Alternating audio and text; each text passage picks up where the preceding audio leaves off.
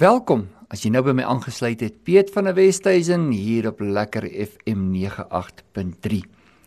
Nou ons vier eersdaags vier ons die dag van rekonsiliasie in Suid-Afrika. Die gelofte dag. 16 Desember 2023 en vandag gaan ek bietjie met jou gesels rondom hierdie gedagte. Is egter onmoontlik om net vanaf 'n geestelike perspektief met jou te praat oor gelofte dag of die dag van rekonsiliasie as ek en jy nie 'n bietjie 'n blik in die geskiedenis van ons land en die ontwikkeling van ons land en sy mense maak nie. Die 16de Desember 1838. 'n Tyd voor my en jou. Ek weet nie of daar enige iemand is wat vandag na my stem kan luister wat in daardie dag geleef het nie. Seer sekerlik nie waarvan ek bewus is nie. Maar alle Suid-Afrikaners vier nog steeds hierdie dag en almal op verskillende maniere. In Suid-Afrika is 16 Desember steeds 'n nasionale vakansiedag, maar dit verteenwoordig versoening en nasionale eenheid. Dit is die tema. Alhoewel in 1838 was daar 'n ander betekenis gewees aan hierdie dag. Die slag van Bloedrivier op 16 Desember in daardie jaar. Die datum 16 Desember is gekies omdat hierdie dag vir beide die Afrikaners sowel as verskillende Afrika volke, Afrika volke belangrik is. 16 Desember 1838 word onthou en herdenk van die voortrekkers se oorwinning teen 10000 Zulus tydens die slag van Bloedrivier. Daar was 'n gelofte gedoen op daardie dag deur een van hierdie groepe, die boere, wat op daardie dag beloof het om 'n dag van gelofte aan God te wy. Ja, die Afrika volke wat nie die reg gehad het om in die nasionale verkiesing te stem nie, het 'n ruk na die Anglo-Boereoorlog op 16 Desember 1910 begin om teen rasse-diskriminasie te proteseer. Kan jy sien hoe belangrik hierdie datum in Suid-Afrika is? Die 16de Desember. Die gelofte is 'n spesiale eed wat deur die voortrekkers afgelê is voor die slag van Bloedrivier en wat gelei het tot die viering van gelofte dag op 16 Desember. Dit is dit was afgelê by Wasbank Spruit, so genoem omdat die voortrekkers daar hul wasgoed gewas het deur Sarel Silje. Sedertdien word gelofte dienste en feeste jaarliks georganiseer om die gebeure te herdenk. Nou ek weet nie of jy ooit by die Voortrekker Monument was om hierdie dag te kan herdenk nie maar nou is alle volke van kleure en geur, etniese groep en tale en kulture saamgegroepeer om 'n dag te kan herdenk van nasionale eenheid.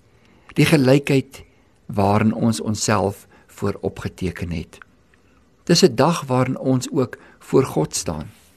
Dis 'n dag waarin ons nie net herdenk wat in die geskiedenis gebeur nie, maar ook besig is om te herdenk wat die genade van God in ons is wat besig om in hierdie tyd plaas te vind. Die verhaal van die ontwikkeling van Suid-Afrika laat my ook baie dink aan Israel en hulle reis saam met God. Toe God na 430 jaar weer na Israel terugkeer in Egipte, toe praat hy met hulle om hulle uit te haal uit Egipte uit. Deuteronomium 6 vers 23 sê die Afrikaanse 53 vertaling en hy het ons daarvandaan uitgelei om ons in te bring sodat hy ons die land kan gee wat hy aan ons vaders met 'n eed beloof het. Hy het ons daarvandaan uitgelei om ons in te bring. So het die mense van ons land deur baie dinge uitgekom en ook deur baie nuwe dinge moes ingelei geword het. Daar's baie skrifte in die woord wat vir my en jou ook sê dat God is eintlik op pad met 'n mens. Die mense van ons land. God is op pad met Suid-Afrika. En jy is deel van hierdie land. As jy 'n burger is in hierdie land, dan is jy ook deel van die reis wat ons besig is om te onderneem die pad wat ons besig is om te loop. so stap God saam met my en jou in hierdie oomblik. Vanaf 'n plek van slawerny tot by 'n plek van oorwinning. 'n Plek waarin die beloftes vir my en jou tegemoet kom. Onthou die skrif in Deuteronomium 4 vers 7. Neem nou net in ag en ter wees ter die op jou hoede dat jy nie enige een vergeet wat jy oë gesien het nie en dat hulle uit jou hart nie wyk al die dae van jou lewe nie en jy moet aan jou kinders en jou kindskinders bekend maak. God sê onthou wat ek vir jou gedoen het. Moenie net dink omdat jy in hierdie dag staan dat hierdie dag eintlik maar net die begin van alles was nie. Daar's daarvoor hierdie dag. Daar waarin ek my genade in jou lewe ontbied het. Deuteronomium 5 vers 15 en jy moet daaraan dink dat jy in Egipte land 'n slaaf was en die Here jou God jou daarvandaan uitgelei het deur 'n sterkte hand en 'n uitgestrekte arm. Daarom het die Here jou God jou beveel om die Sabbatdag te hou. Daar's eintlik baie meer as net een dag wat ons in God hou. Daardie dag toe hy sy genade oor jou lewe kom losbreek het. Dis 'n dag waarin ek en jy ook 'n gelofte teenoor hom het die dag van bevryding, die dag van genesing, die dag van oorwinning. En 16 Desember is ingeets in ons land. Maar ek wil jou terugvat na daardie datum toe. Dat daardie ook 'n dag sal wees, nie net wat jy onthou wat in die geskiedenis van ons land gebeur het nie, maar ook onthou dat God geskiedenis maak deur jou lewe. Dit alles wat in jou lewe gebeur, dit wat uit jou uit voortkom, dit maak 'n verskil. Saam bou ons aan 'n nuwe land wat God sal eer, sy woord sal eer en altyd sy teenwoordigheid sal soek. Dat Suid-Afrika ook 'n gelowige, geesgevulde nasie sal wees. En dit begin nie net iewers eers op 'n vlag of in iemand se hart wat 'n rang het of 'n bevoegde plek in die staat inneem nie. Begin by my en by jou. Wanneer jy daar voor daardie kolossale museum staan en die monument hier in Pretoria. Dan herinner dit my en jou aan iets groters as ons. Die krag en die genade van God. Dat God doen wat hy gesê het hy sal doen. Ons moet dit onthou dat God die een is wat op pad is met Suid-Afrika. Dat hy die een is wat op weg is met ons. In Josua 4 vers 21 sê die woord en hy het met die kinders van Israel gespreek en gesê: Wanneer julle kinders later hulle vaders vra en sê: Wat beteken hierdie klippe?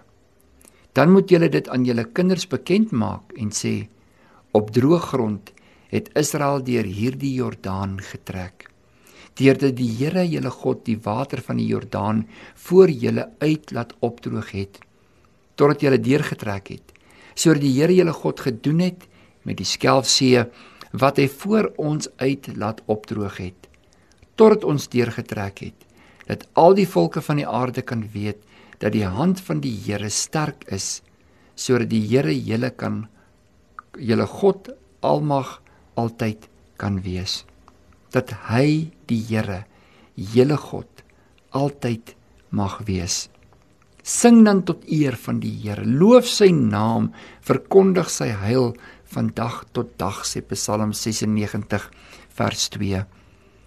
Wanneer jy op 16 Desember jou oë oopmaak, mag jou dag gevul word met nuwe vars genade. Die bloed van die Here Jesus Christus wat my in jou kom reinig het van al ons sondes en 'n vryspraak vir altyd kom lewer het. Die getuie wat in die aarde vas staan. 'n Getuie van verzoening. Dat daardie bloed werklik kragtig werkend in jou sal wees.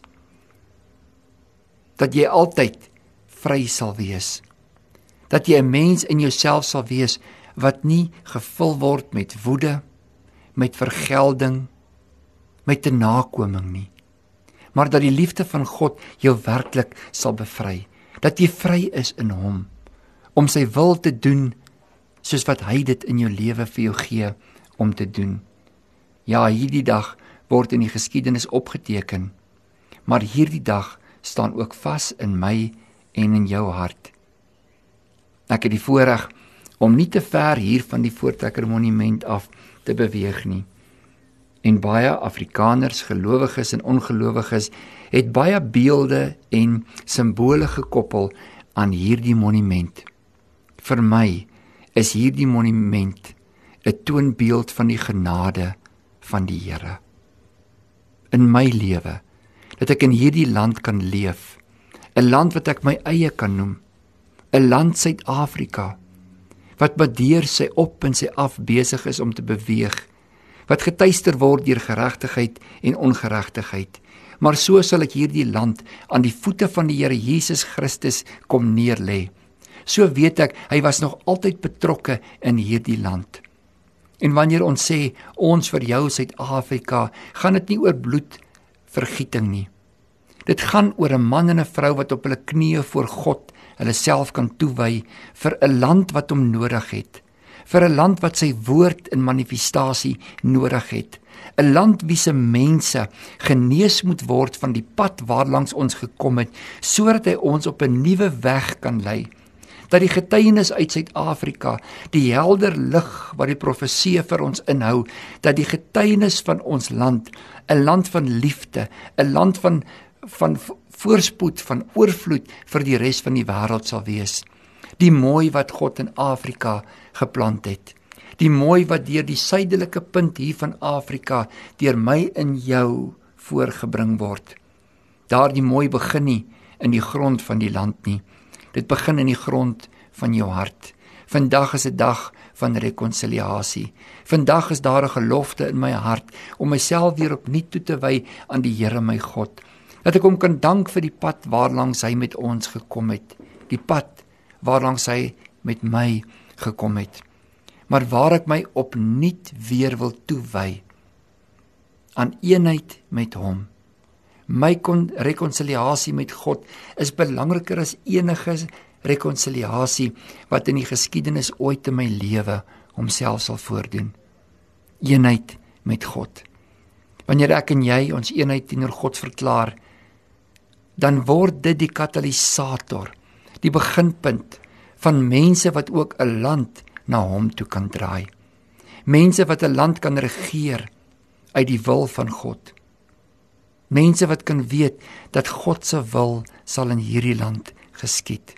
Hy word weer die banier waar die woord sy ereplek onder ons inneem. Waar ons nie 'n mens raadpleeg om te hoor wat menslike wysheid ons bring nie, maar die goddelike inspirasie van sy woord. Soos daar by die monument. Daar in daardie tydkapsule. Daar waar die woord geberre is.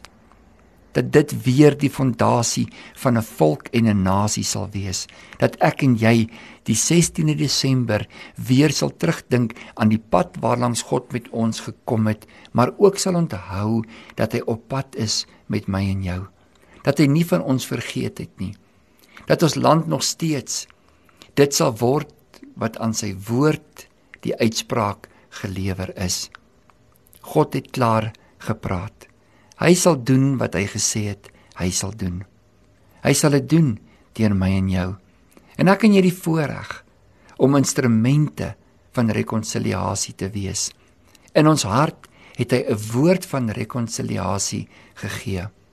Mag hierdie dag, die dag van die 16de Desember wanneer hy aanbreek vir my en jou, 'n dag wees waarin ek en jy ook daardie instrumente van rekonsiliasie sal wees. 'n Pa tot sy seun, 'n ma tot haar dogter, 'n vader tot sy kind. 'n Land tot dit wat God hom geroep het om te wees en voor te bring dat alles wat in hierdie dag in jou lewe gebeur, sal getuig van 'n oomblik van eenheid met God. Vader, dankie dat ons die voorreg het om vir Suid-Afrika te kan bid, te kan intree. Wil U weer die God en die Vader van hierdie land wees? En dankie dat U ons in staat stel om die goddelike manne en vroue te wees in Suid-Afrika. In Jesus naam. Amen.